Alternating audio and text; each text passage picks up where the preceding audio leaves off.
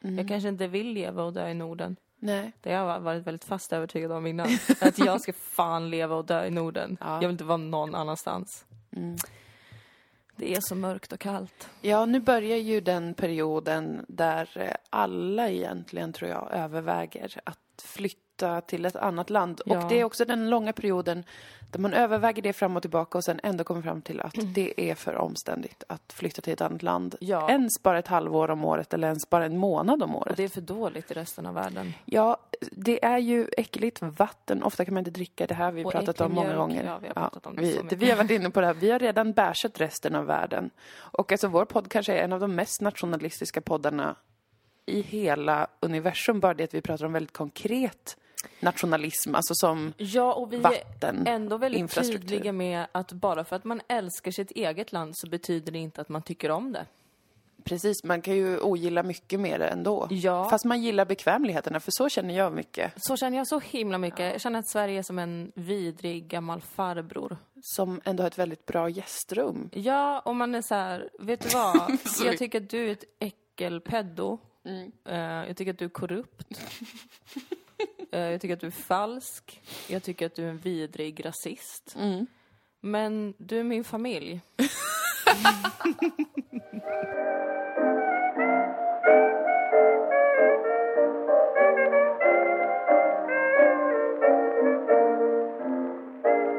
Välkommen till Dilan och Moas podd. Ja, Det är så välkomna. trevligt att få tala till er. Vi trodde lite att vi inte skulle kunna göra en podd den här veckan. Precis, jag ska ju till Umeå. På tal om mörker och kyla Ja. så kommer jag ju åka upp till, alltså där det ju knappt är sol en timme per dag. Ja. Jag har Ehm, erbjudit dig D-vitamin. Mm, och jag tackade nej. Ja. Kaxigt. Ja, det, För ja. att det har visat sig att jag är oerhört frisk. Alltså jag har, jag har inte järnbrist, Nej. jag har inga brister i mitt blod. Det är bara så här, hej bruden. Ja. Alltså riktigt nice Ja. är mitt blod. Alltså det finns inga fysiska problem. Nej, vad härligt. Juhu! Och det hade ju varit en bara solskenshistoria Ja. om det inte var för att jag ändå har sökt vård. Alltså det är ju en, vad heter det, smolk i bägaren. Ja, just Att det. det är ju då ett tecken på att jag är psykiskt labil Precis. och eh, inte kan eh, hantera saker som sådär. Men det, det löser sig. Men vet du, det glädjer mig ändå någonstans. För att jag menar, hade du varit stabil, Ja, då hade jag kanske inte stått ut. nej. Faktiskt. Nej men alltså, jag är i ett nytt skede, Ja. tänker jag mig. Jag är en vuxen kvinna nu. Ja. Och det känns hett på något sätt. Mhm. Alltså jag är liksom så här, jag har inte den 20-års någonting ångesten. Nej. Eh, Jag håller inte på att älta lika mycket. Jag har inte, jag tänker mig inte in i ångest. Däremot så bara en blixt från klar himmel. Ja. Yrsel håller på att falla samman. Ehm, tror att jag är sjuk men i själva verket är det någon slags panikångest som bara har hittat ett nytt, som en ny bäck Ja. rinner genom hjärnan. Och eh, det är ju lite svårt att veta att det kan vara så med ångest. Ja. Men det kan jag ju meddela nu då från första parkett att absolut så kan det vara. Att man Så tycker man mår toppen. Ja, Eh, det går jättebra allting. Eh, men sen så, slå det till. ja, sen så ramlar man ner från sin höga häst. Ja. Från ingenstans. Jag har inte suttit på en hög häst. Jag har alltid haft jättemycket ångest, så det är ingen fara.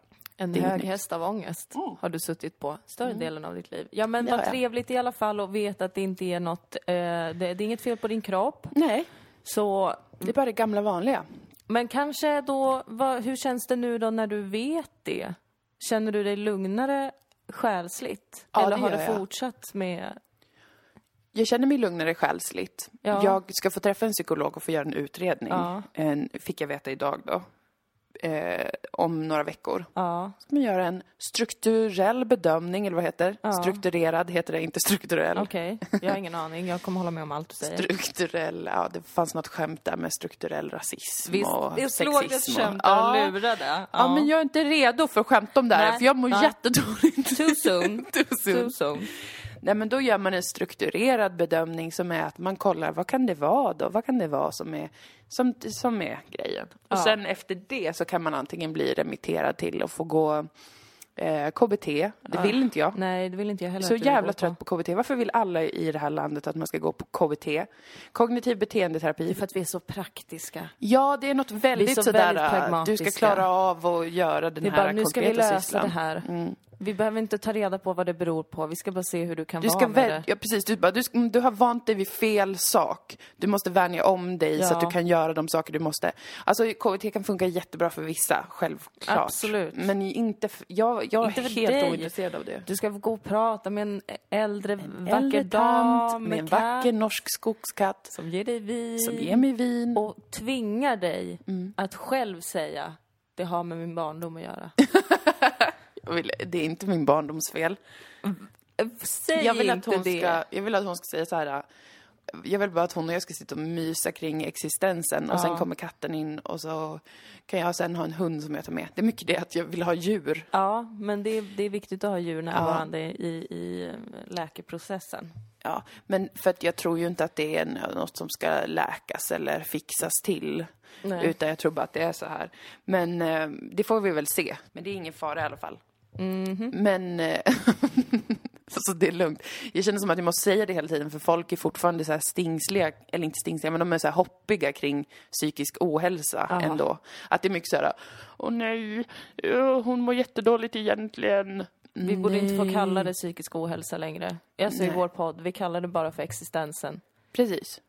Mer eller mindre. Det är bara att det är ju så här det är att vara människa. Och sen har Ja. vårt samhälle, liksom, där har man kommit på de enklaste och bästa, snabbaste vägen att ta sig runt sådana svåra saker som inte går att ta Ja. sig runt.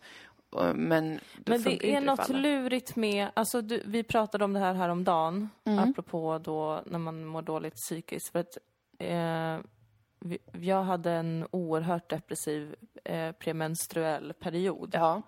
Den här månaden. Jag s- skrev till dig ja. och berättade vad jag hade känt. Alltså jag blev Ja. chockad över hur mörkt det faktiskt kunde Ja. bli. Eh, för att jag visste att jag skulle få min mens. För att jag hade ont i mina bröst och jag fick såna mensvärkskänningar Mm. i några dagar.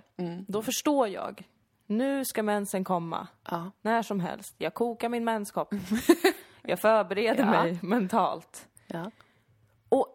Ändå kan jag inte förstå var alla mörka tankar kommer ifrån. Där jag till den, alltså kvällen innan jag får min mens så går jag och lägger mig och så känner jag så här, allt är mörkt. Det finns ingenting. Jag har aldrig upplevt kärlek. Classic! Det är mörkt och det är kallt och kanske är det så, för det är så mycket omkring mig nu att folk omkring mig vill ha barn så himla mycket. Så jag är väldigt inne på det också. Inte jag, Obs. Nej, inte du. Alltså mina äldre vänner kanske. Människor som är omkring 30 Ja. främst. Och med Ja. människor menar jag biologiska kvinnor. Ja. Som håller på att de vill ha ungar och jag förstår inte, jag vill så gärna förstå vad det är de pratar om. Jag förstår inte den här längtan de känner. Och jag hatar att inte förstå ja, det är svårt. och inte kunna hänga med på. Mm. på. Och så tänker jag att nej men det kanske är det då. Det kanske är det att den enda kärleken som man kan uppleva på riktigt, det är kärleken till och från sitt barn. Att jag måste befruktas och jag måste få ett barn för att någonsin kunna känna sann glädje. Att uppenbarligen får jag inte det från mina vänner, Nej. mina syskon, mina föräldrar, mina älskare, när de finns. De ger mig ingenting. Varför lever jag ens? Somnar, går upp på morgonen. Den röda befrielsen. Den röda befrielsen har anlänt. Och ändå kan jag inte förstå att det är PMS som får mig att, att För vi har ju pratat innan om vad konstigt det är. Ha, ha, ho, ho, varje gång. Ha, man Varje PMS, jävla gång. Och så får man mens och så förstår man. Det var därför det var så mörkt. Men vad är det med PMS som gör att man inte kan förstå det medan det pågår? Det är, Det ju är helt så så sjukt. absurt. Det är så himla sjukt faktiskt. Jag vet inte heller. Kan någon, sva- kan någon börja lyssna på oss som är mensforskare? Ja, varför För att- finns inte det? Det Varför finns finns inte det? det? kallas väl inte Vi det frågar bara. och frågar och frågar, vi får inga svar. Varför ska jag vara så deprimerad när, ja, är det, är det, är det, är det är det, är, det, är, det, är det något kristet? Är det det? Att Nej, man ska tror- vara ledsen när man sköljer ur ett ägg som inte blev befruktat? Ja, man skulle ju lätt kunna göra en religiös tolkning det är av så det. lätt att bli religiös med den här kroppen. Det är det. Men man behöver inte bli det. Man kan bara tänka så här, man är ett däggdjur som är ovanligt smart och intelligent och kan föreställa sig saker och dra olika slutsatser om, som man hittar på helt själv, som inte finns fysiskt. Men sen finns det också delar av en som, som går i ett eget mönster och följer egna eh, då, regler och lagar, som är kroppens regler och lagar. Och så sen så kanske man får en sån reaktion, man känner sig nere och det kanske är då en, en reaktion på en fysisk process i kroppen. Sen hur vi ehm, reagerar på den sensationen av att det är lite tungt idag eller jag orkar inte göra det jag vanligtvis gör och sådär.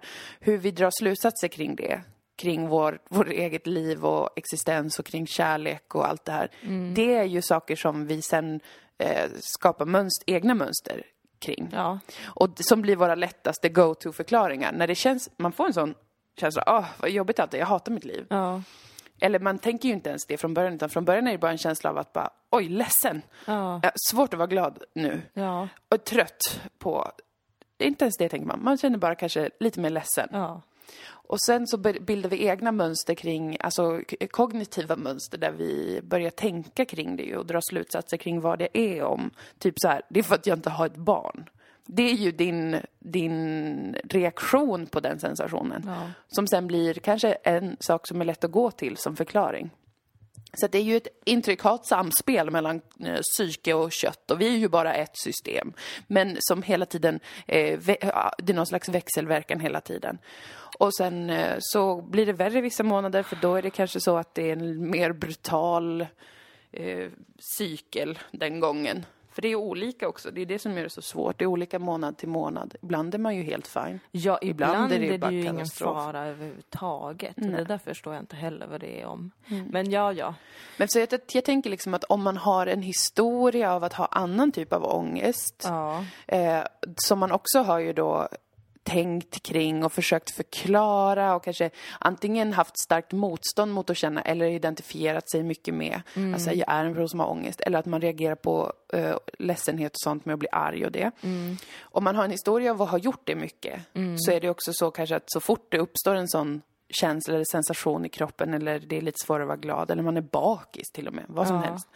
Då är det mycket snabb, det går snabbare till att man kanske kommer in i en sån, ett sånt träsk av att Ett mörkt, mörkt träsk. Ja, där man försöker bryta ner det för sig själv och förklara det för sig själv och sätta in sig själv i ett sammanhang och varför är jag ledsen nu? Och om, om man har det väldigt nära till hands så är det ju också, tänker jag, så att det blir det man tänker varje gång. Det är Ja. svårt att tänka sig bara så här, nej men jag är lite ledsen nu och nu får jag gå runt och vara lite ledsen. Det kan vara någonting med psyken. Åh!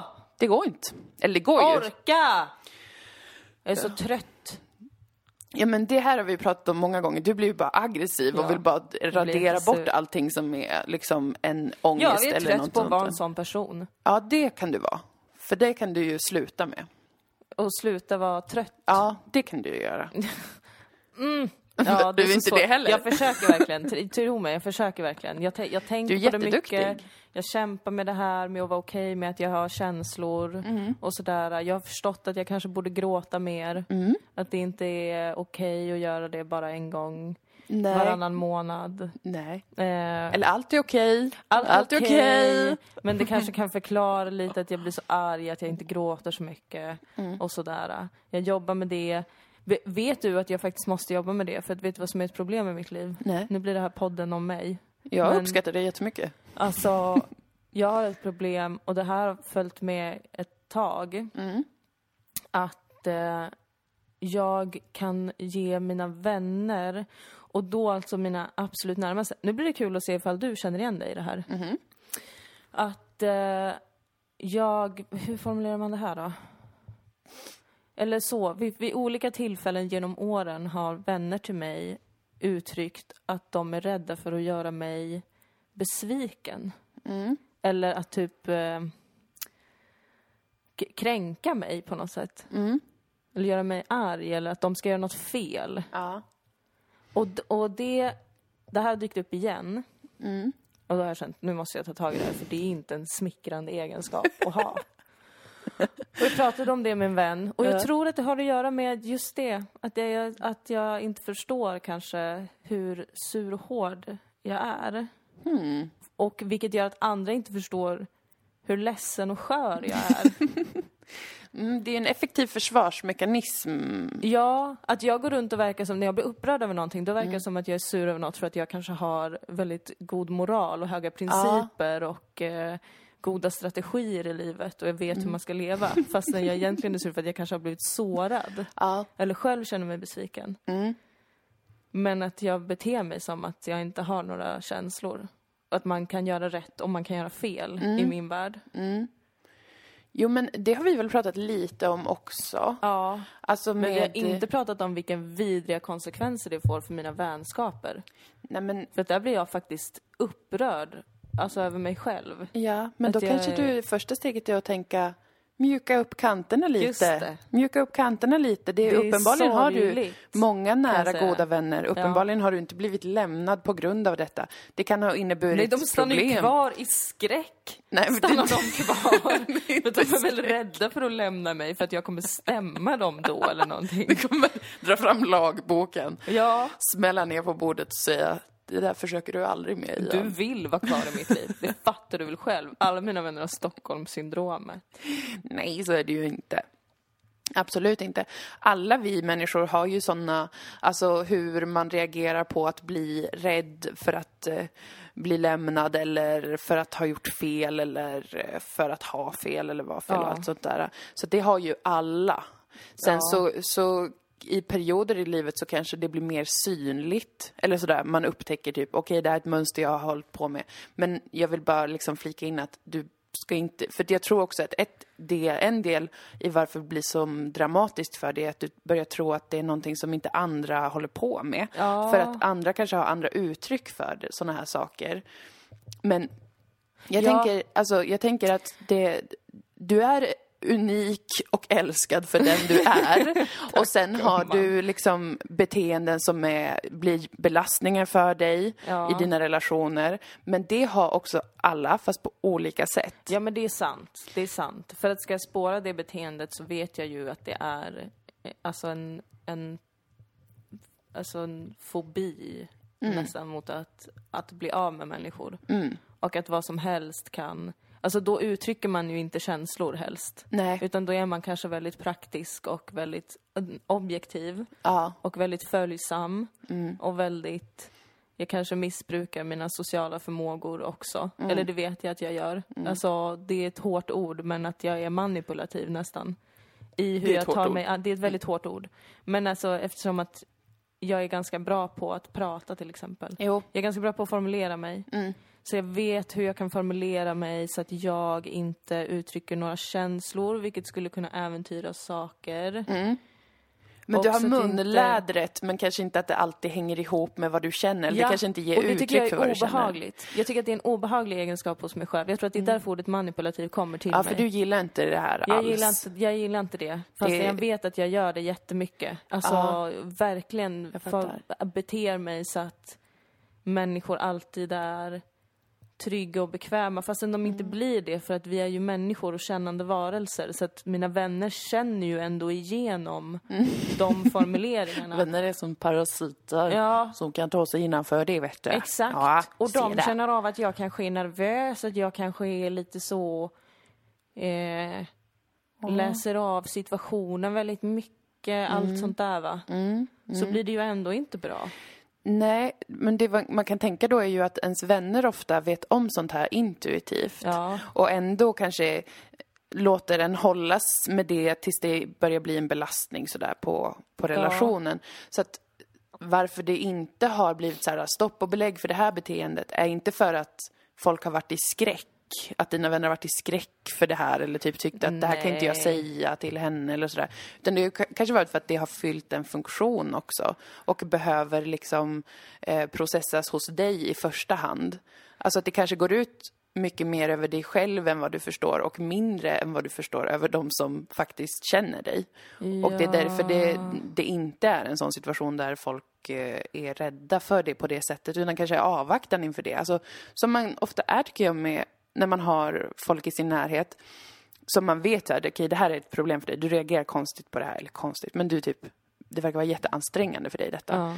Då är det ju ändå ganska ofta som man tänker att man bara liksom låter det hållas lite innan mm. det börjar balla ur, om det inte ballar ur jättemycket. För att man någonstans intuitivt vet också att det här måste dras några varv inom dig.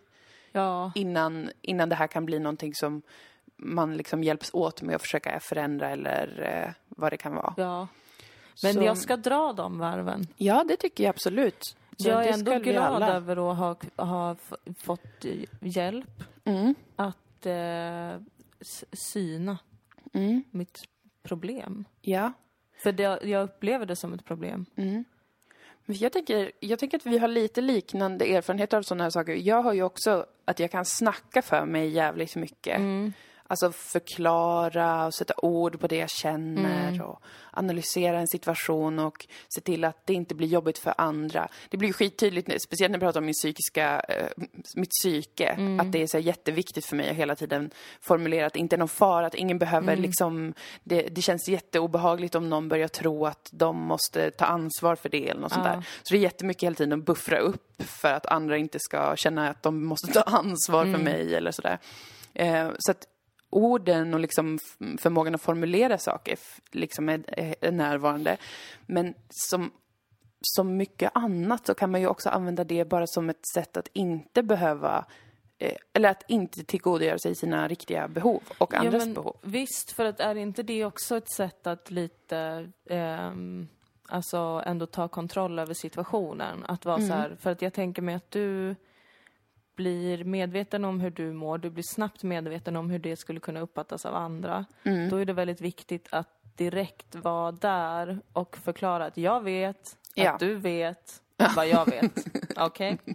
Jag vet. Precis. Jag eh, vandrar inte i, i en dimma här. Exakt. Jag erkänner det här. Mm. Eh, det här finns. Mm. Och eftersom att det är jag som erkänner det och pratar omkring det så är det också jag som bestämmer hur det ser ut. Precis. Och det är ingen fara här. Mm. Ingen behöver hjälpa mig. Jag mm. bara säger det här så att ni inte ska tro att jag är galen. Ja. Typ.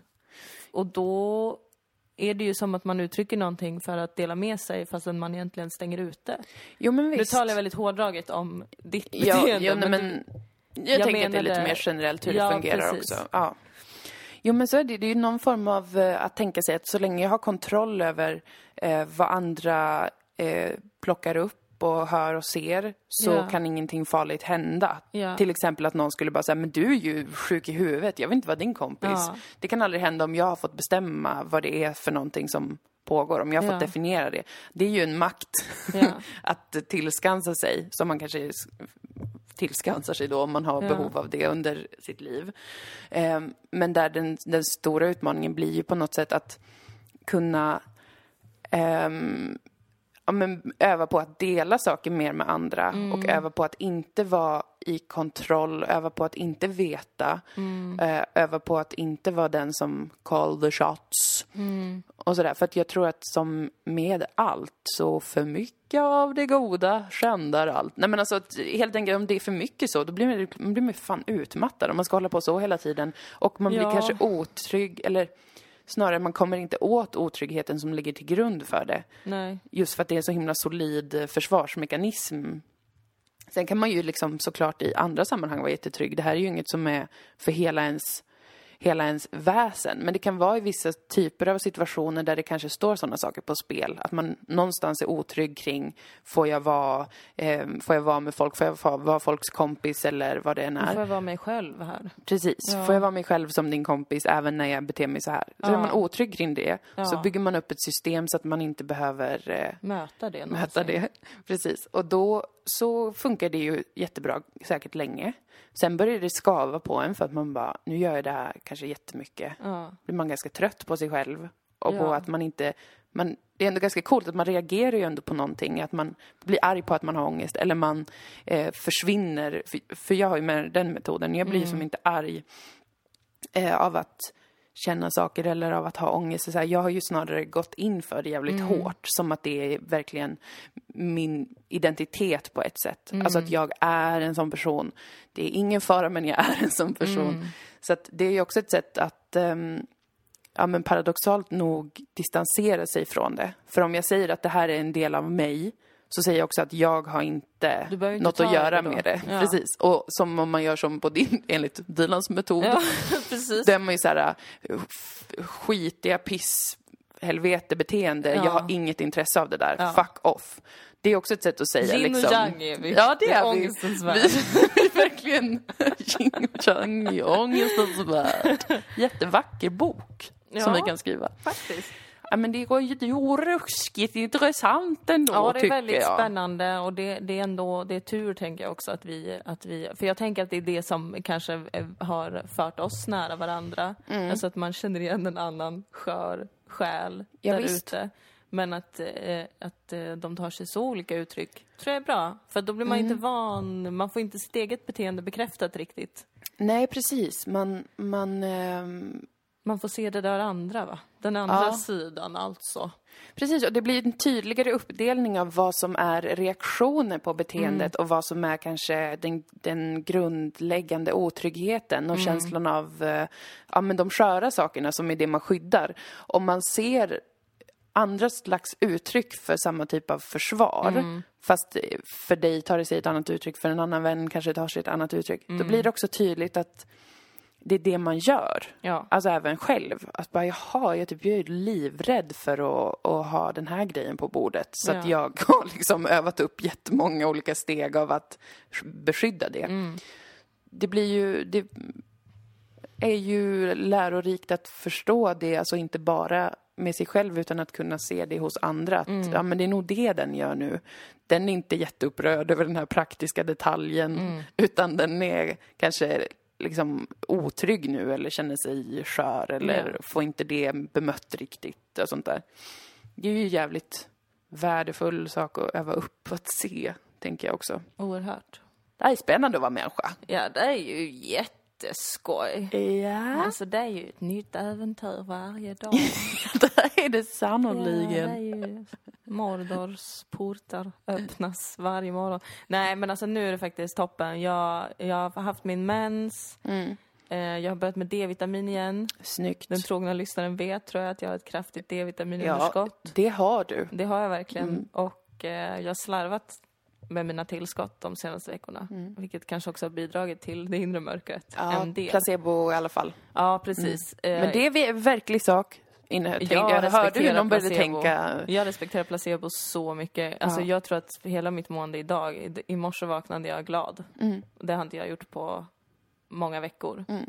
Och eh, det tror jag bara är placebo för att min mens är slut, jag kommer tillbaka från Stockholm, jag har Mm. börjat med D-vitamin igen. Men det är ju underbart. Det är underbart Allt men det är också lite ha. obehagligt för att när jag är så, när jag är så peppad så tidigt, alltså innan jag har ätit frukost, är det konstigt av mig att vara glad. Mm, det är ovanligt. Det är väldigt ovanligt och då känner jag mig istället manisk. Alltså Ja, som ja, att nu ja. har jag blivit sjuk. Ja, men nu kommer jag det... gå ut och ritualslakta ett barn för att jag log klockan 8.30 på morgonen. det är en underbar studie i hur ens eh, försvarsmekanismer och eh, liknande sätts upp väldigt snabbt. Ja. Aldrig hur- får man bara vara för sig Nej, själv. alltså det är verkligen väldigt svårt att vara. Ja. Man förstår ju hela mindfulness-grejen att det är en big deal Ja. att bara vara. Ja, det är det. Det är det. Det är faktiskt jättesvårt. Det är det verkligen. För att det är som att varje liten grej liksom klämtar klockorna runt om Ja. i, i huvudet, triggar olika beteenden, får en att gå in för någonting helt plötsligt. Man är hela tiden i något annat, planerar något annat, förbereder något annat. Så Stort det och smått. är svårt. Ja, det, är- det är synd om människorna. Men jag tycker att det är jätte... Jag, jag upplever... Alltså en anledning till att jag upplever att jag mår så himla bra, det är att jag inte känner mig less på det. Alltså nu kanske jag låter som en, en då galen, bla bla bla, bla bla bla, Ja. det är säkert inte normalt, bla.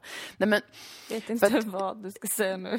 nej men alltså att jag känner mig nyfiken och intresserad av saker. Med mig själv, med mina nära och kära, med eh, livet överlag och sånt där.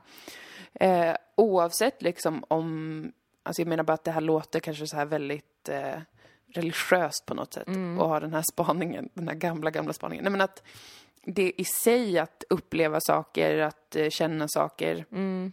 även när det inte är det jag har önskat, även när det inte är det som jag vill kanske, Mm. det är inte det som gynnar mig mest.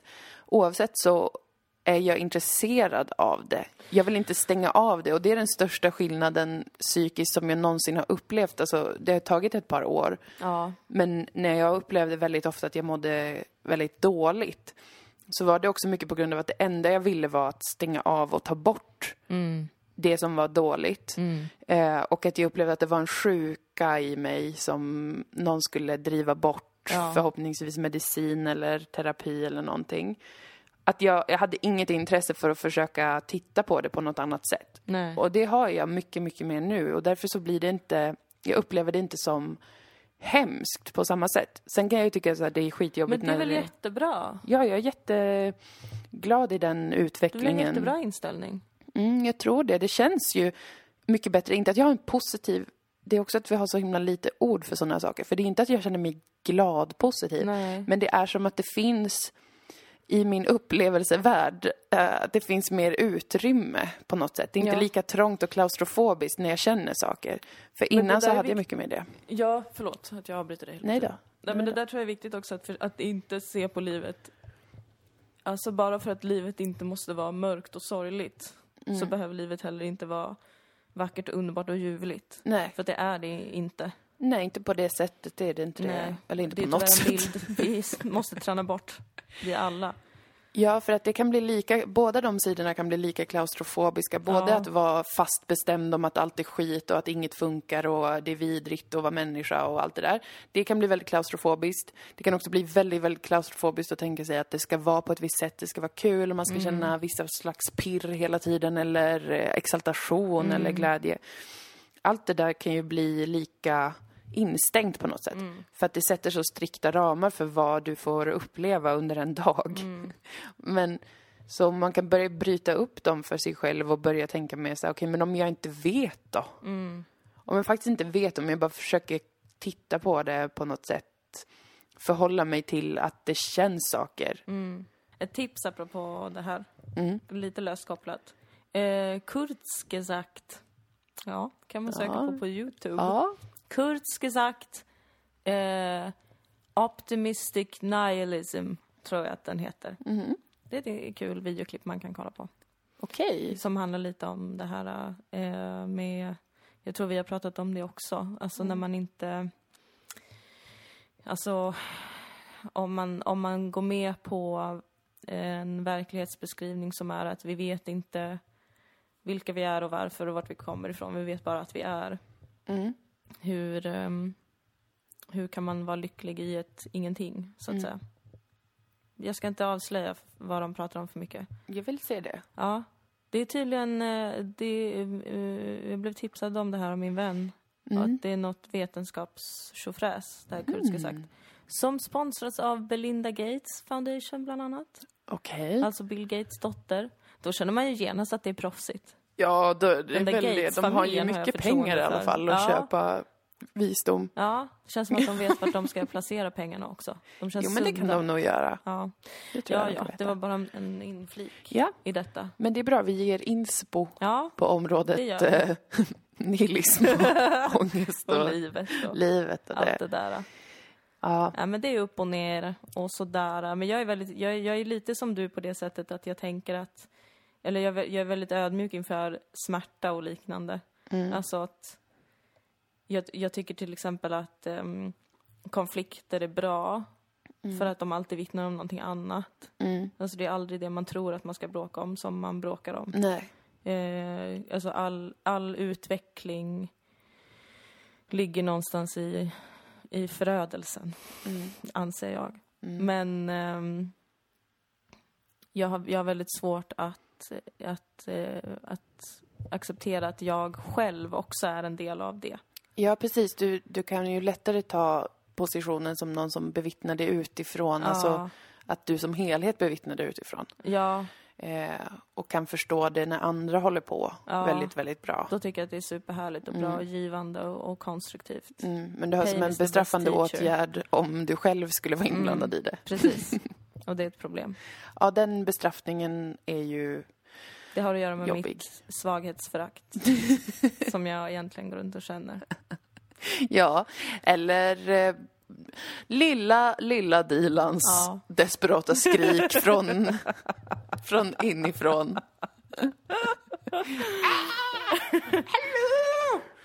Hjälp mig, Se mig! se mig, hör mig, rör mig. Hur svårt kan det vara? Ja, det var en riktigt passande jingel.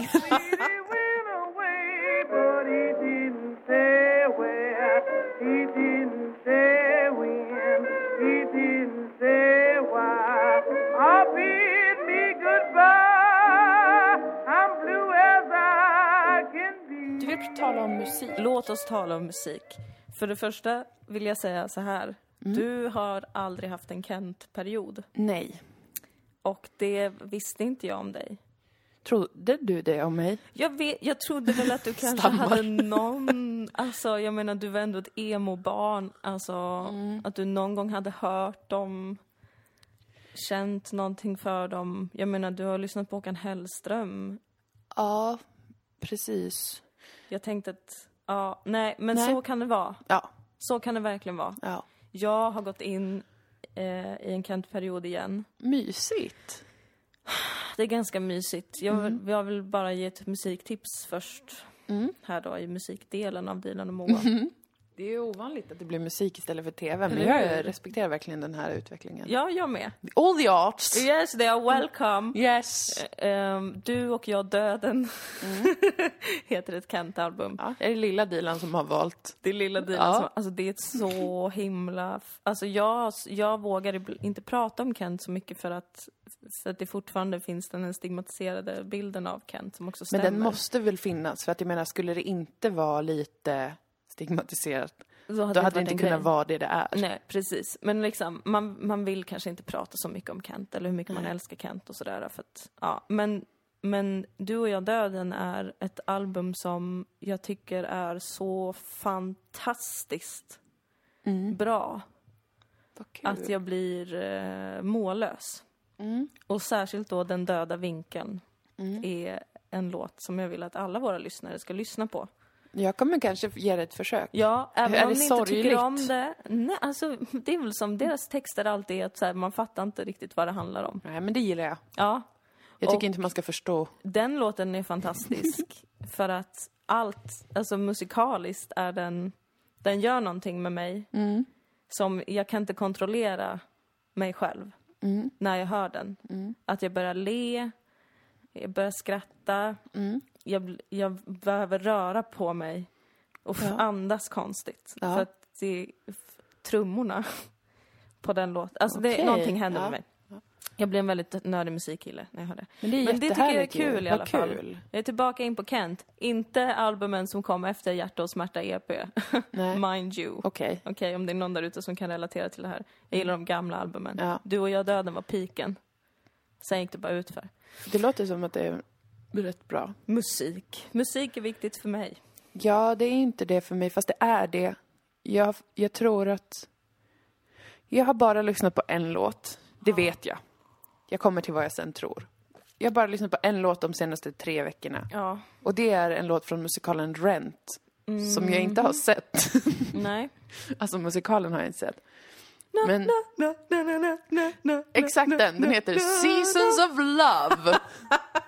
Och eh, den lyssnar jag på om och om är du? och om igen. Alltså din, din relation till musikal är liksom så himla otippad och Mm. underbar på samma gång. Jag älskade musikal när jag var 14, 13, 14 och där. Ja. Och älskade ju musik, gick musik på högstadiet och trodde verkligen att jag skulle bli en musikalartist slash singer-songwriter när jag Ja. blev lite svårare, när jag började få lite ångest. Då tänkte Ja. jag, okej men det kanske är det jag ska bli. Mm, slags eh, Frida Hyvnen-person Precis. när jag blev stor. Sen så hade jag ett traumatiskt uppbrott med musik där runt 16, när jag blev riktigt deprimerad. Då klarade jag inte av det längre. Nej.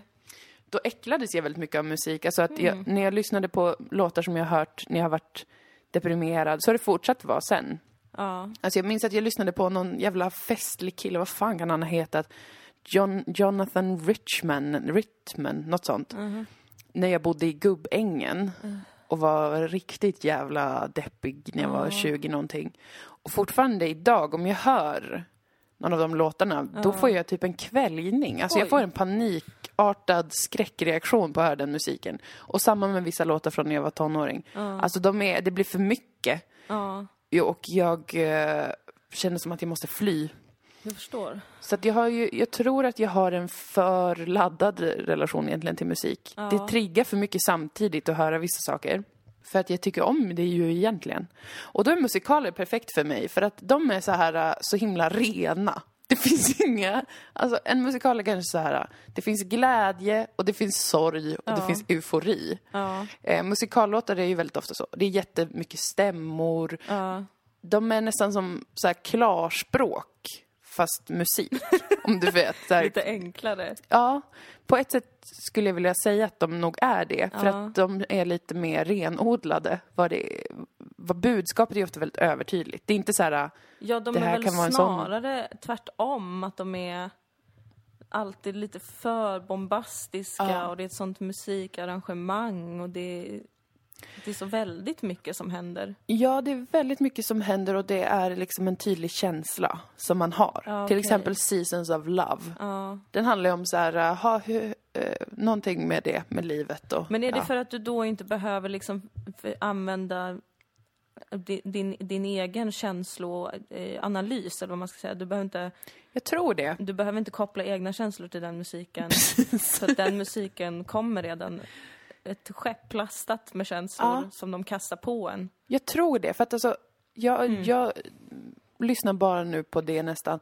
Sen har jag lyssnat på The Magnetic Fields och Bessie Smith sen jag var kanske 18-19 och det Ja. har jag aldrig blivit trött på Nej. eller tyckt varit äckligt. Eh, så det är någonting särskilt med dem Ja, som gör att jag inte läser in för mycket. Det, för Magnetic Fields är också att det är roliga texter, så Ja. då blir jag trygg för att jag förstår skämten. Och jag förstår eh, att det är en, som en metanivå där som inte behöver kännas, som man bara kan registrera på något sätt. ja. Och med Bessie Smith är det bara att jag gillar blues. ja, men det är ju jävla trevligt. Så jävla trevligt. Men a- annars så är det ju nästan bara musikallåtar som jag återkommer till ibland och typ, ja men Queen. Ja, För att där är det är ändå lite samma stämning, att det är lite åt väldigt starkt. musikal... mm. Nej, jag älskar musik oerhört mycket. Mm. Har olika intensiva perioder med antingen artister eller musikstilar. Det verkar jättehärligt, jag är, ju lite avundsjuk på det. Jag, jag, jag, eh, jag älskar musik så mycket att jag blir alldeles tokig. Mm. Men här är en, en tanke kring musik som jag skulle vilja brottas med tillsammans Ja. med dig. Ja. För det här har jag tänkt på på senaste tiden, alltså bara med kultur i allmänhet. Mm. Att det finns, jag känner en viss sorg över att i liksom de flesta kulturer Mm. så är det ju de, de underordnade grupperna, Mm. minoriteter och annat. De bryter sig ofta loss och tar sig fram med hjälp då av kulturen. Mm. Att det är där, eh, där man får plats. Inte nödvändigtvis får plats, men det, där blir man ju synlig på ett annat sätt. Man kanske skapar sig plats. Ja, ja, för att konsten är ju fri. Man kan skapa sig en plats på, på ett annat sätt och man kan få dra till sig sin egen publik och så kan man med hjälp av folkets kraft få ta sig fram även fast man kanske är en mobbad ja, minoritet eller annat. Något som samhället inte tycker om så mycket. Och det kan jag tycka är sorgligt. Att det, att, det, att det bara händer i kulturen, så att säga. Men så hade jag ett samtal med min far. För vi satt och kollade på, det var någon dokumentär på tv om, eh, ja men typ från Svarta pantrarna till Barack Obama, de svartas kamp i USA, någonting. En sån historisk, ja, dokumentär. En dokumentation av den svarta kampen. Och där var det ju, då sa de flera gånger att vid olika tillfällen så fick de genomslag i kulturen. Ja. Eh, och då gav de exempel på olika kända svarta personer som då blev eh, liksom bärarna av kampen i kulturen, som spred ordet om kampen till, till massan. Eh, James Brown till exempel, Mm. musiker. De nämnde inte Nina Simone, tyckte jag var konstigt. Mm. Kanske för att hon var ganska galen. De var gjorde uteslutande Hon var extremt hennes... militant. Det tycker jag var härligt. Hon var också alkoholist. Eh, nej men, och då sa min kära far detta att det är ju alltid musikerna. Mm.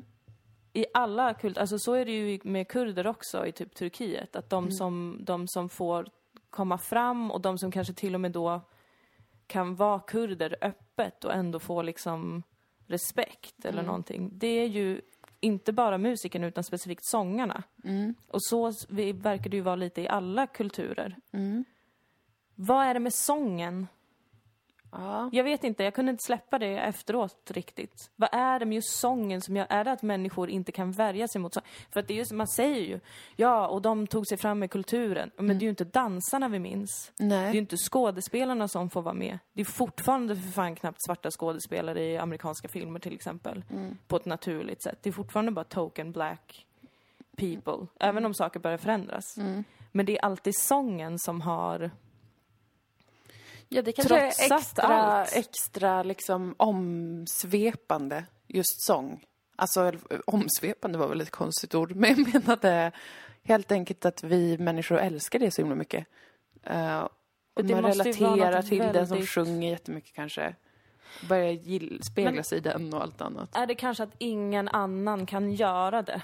Jo, men kanske att Men det... just sången, det är ju ingen som kan ha din röst, Nej. Beyoncé.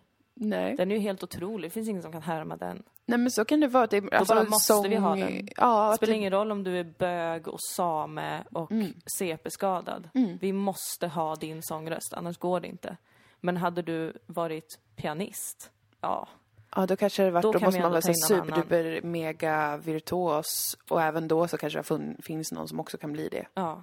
Det kan finnas något sånt och att just med sång eftersom att det är ens egen röst, stämband och det och också att det blir liksom bärare av känslor, allt det där som man pratar om i Idol och sånt. Ja. Du måste kunna förmedla en känsla när du sjunger. Alltså det finns ju just i Idol, ett dåligt exempel, jag vet inte, men det finns ju i allra högsta grad någonting mer i sång Ja. eh, som inte är eh, exakt hur vacker röst utan vad man också kan uttrycka genom att låta med Ja. sin egen kropp. som valar. Nej men alltså det, det tror jag inte är omöjligt att det absolut spelar in i att liksom att det kan stå över mycket. Bara för att det är musik så börjar man känna någonting för att vi är Precis. gulliga, gulliga små djur Ja. som älskar takt och vättar. ton. Ja, Så verkligen. att vi känner saker utifrån vart vi är nu och hur vi speglar oss i musiken nu då. Ja, visst, och då kanske det, det är mycket så med musik att just för att det, alltså att det inte är helt fastställt vad det så här, eh, vad det är man ska känna eller vad det är det faktiskt handlar om. Ofta finns det en text, den kanske är till och med politisk eller den är jätteövertydlig i någon, något avseende. Men det är ändå, du, du, det finns en lucka där, där du själv, när du hör det, känner något som ingen kan bestämma är fel eller rätt eller, för det bara är. Och då blir det ju något som väldigt många kan relatera till oavsett sin exakta position eller vad det nu är. För att det handlar om en annan dimension av oss än den som är, jag är en eh, kvinna som bor i det här samhället, som har de här rättigheterna, som har det här och det här och det här. För allt sånt finns ju. Men sen då är det ganska sällan det, det uppstår sådana tillfällen där man kan få känna någonting som en eh, människa mer än de sakerna. Ja. Ja. Tänker jag mig. Ja. Och att det är kultur och allt sånt här alltså fyller verkliga viktiga funktioner i det. I att, att man eh, talar med varandra på ett an, annan, i en annan dimension på något sätt. Det andra saker är det som är och inte just de grejerna. Sen så kan det fylla jätte, jätteviktiga då politiska funktioner och det är att man, ja men allt det där självklart. Men det är ju sätt att säga saker utan att använda de klassiska vanliga uttrycken och orden. Om man tar till något till redskap. Jo men och liksom. även när man gör det så kan man ändå skapa en annan känsla. Alltså Mm. där tycker jag, där har ju Kent gjort flera exempel också. Mm. Sverige är väl kanske ett jättetydligt exempel på en låt som är oerhört vacker Mm. i sig. Väldigt fin och trivsam. Och texten är på många sätt också fin. Ja. Men texten är också samtidigt en skarp kritik mot Sverige Ja. och svensk dubbelmoral. Mm. Och vilket äckligt, litet vidrigt land vi faktiskt är. Men att man inte behöver känna de sakerna när man lyssnar på den låten, faktiskt. Precis, man Men kanske att man får också känna lika mycket behöver. kan göra det. Ja. Precis, det blir flera olika Mm. saker som sägs samtidigt. Och eh, det känns som att många av oss, nästan alla, gillar ofta det. För att vi bygger ju upp våra liv och samhällen enligt vissa mönster som ska funka för så många som möjligt. Som sen skapar då eh, vad som är normalt då. Majoritetssamhället och de grejerna. Som kanske funkar för väldigt många då, till exempel. Sen för vissa funkar det inte alls och i värsta fall så i vissa samhällen så måste man dö om man inte funkar med det och så vidare. Men att det ändå är, vi bygger upp liksom våra liv och våra samhällen så. För vi behöver den strukturen som läskiga, läskiga eh, dödsgrävare måste vi bygga sånt. Men i grunden så är vi ju alla mycket mer mystiska än så. Alltså hur vi fungerar och vår förmåga att föreställa oss saker, fantisera om saker och fantisera kring och prata om och känna kring livet och den här platsen och allting är ju mycket större än de samhällen vi bygger. Ja. Men det är väldigt, eller jag tänker att det är därför som många människor historiskt och även nu eh, verkligen har behov och älskar och dras till att rita eller dansa eller skriva poesi eller skriva musik eller vad den kan vara. Att, att kommunicera på andra sätt och mm, att vi blir lugna av att hålla på och jobba med händerna, att sy eller göra grejer, pyssla med saker. Så vi, vi har alla de andra liksom, dimensionerna i oss hela tiden. Och vi, de flesta av oss blir ganska så deppiga av att inte få hålla på med det på något sätt.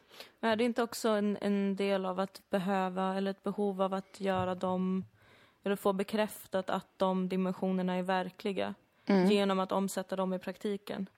Alltså för att det vi gör när vi, även om man inte skapar själv, eller man kanske lyssnar eller tittar eller upplever andras skapelser, alltså olika former av konst till exempel, att man dels ju känner sig mindre ensam tror jag, men dels också att den oerhört rika inre världen som är lika liksom oändlig som vad vi tror att vår fysiska värld är. Ja, Att den också behöver få kännas verklig. Ja. Vilket den gör om man då kanske ritar någonting. Inte.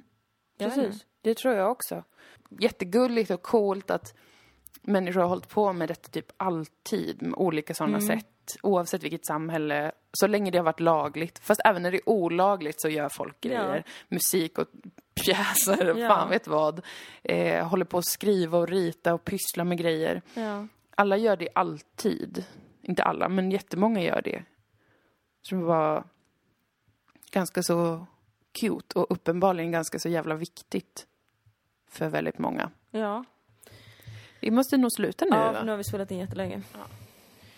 Okej, men uh, hörni Bunny. Kom till Umeå Ja. under Musikhjälpen. För vi Ja. är i Umeå 15, 16, 17 tror jag det är. Ja. Ja. Den 15 december alltså så har vi ett quiz Ja. på Gröna Älgen i Umeå. Ja. Eh, det är en bar, en jättetrevlig restaurang och pubbar. Ja. Jag vet inte vad titeln är. Ingen aning. Där kommer vi vara. Vi kommer ha ett quiz som börjar ungefär, eh, tror vi sa vid halv åtta eller något sånt där. Ja. Halv åtta, åtta. Kom dit lite innan och drick öl. Vi kommer försöka skramla in pengar till Musikhjälpen. Ja. Och också göra underhållande kultursaker. Vi ska ha ett quiz på temat. Vår värld! Ja. Och då är det Dilan och Moas värld specifikt. alltså min och Dilans värld. Så sträcklyssna på podden Ja, det får ni göra. innan ni kommer. Och sedan den 16 december på lördag kväll, då kommer vi faktiskt att göra en improföreställning, alltså en improviserad humorföreställning. Ja. Tillsammans med Humor är kul, våra Ja. kära vänner och kollegor Tora Larsson och Elvira Lander i Umeå. På hundra ska vi vara. Jaha. Gamla guitars vad jag förstår. Ja, För att det har tydligen gått i konken då. kom allihopa. Nej men det kommer bli jätteroligt. Det kommer vara Vilken svinkul. hel helg. Vi ska ha en riktig hel helg i Umeå och försöka liksom, vi kommer ha en digital insamling. Ja. Eh, Så att liksom, om man vill ge pengar till Musikhjälpen, ge via oss för då framstår vi som bra på att samla in pengar. Men det kommer mer info om det också Vi har på... ju varit historiskt dåliga på att samla in Ja. pengar. Ja, det är svårt. Så När man inte snälla har ge oss upprättelse nu för barnens skull. Ja. Eh, och du ska stå uppe i Nordmaling och Umeå och allt den här Ja, veckan. när den här podden kommer, nu vet jag inte, den kanske kommer ut på en onsdag i år, i år, I år, ja. i veckan. Ja. Så är det ikväll, alltså onsdags den 29 november som jag ska stå uppe på Club Fun i Umeå. Men det är Ja. slutsålt. Jaha. Och, men då kan man ta sin lilla truck och, och köra till Nordmaling den första Jo. december. Det är inte långt. På stället som heter Två bröder i Nordmaling. Jag ska stå uppe i Västerbotten! Så jävla nice.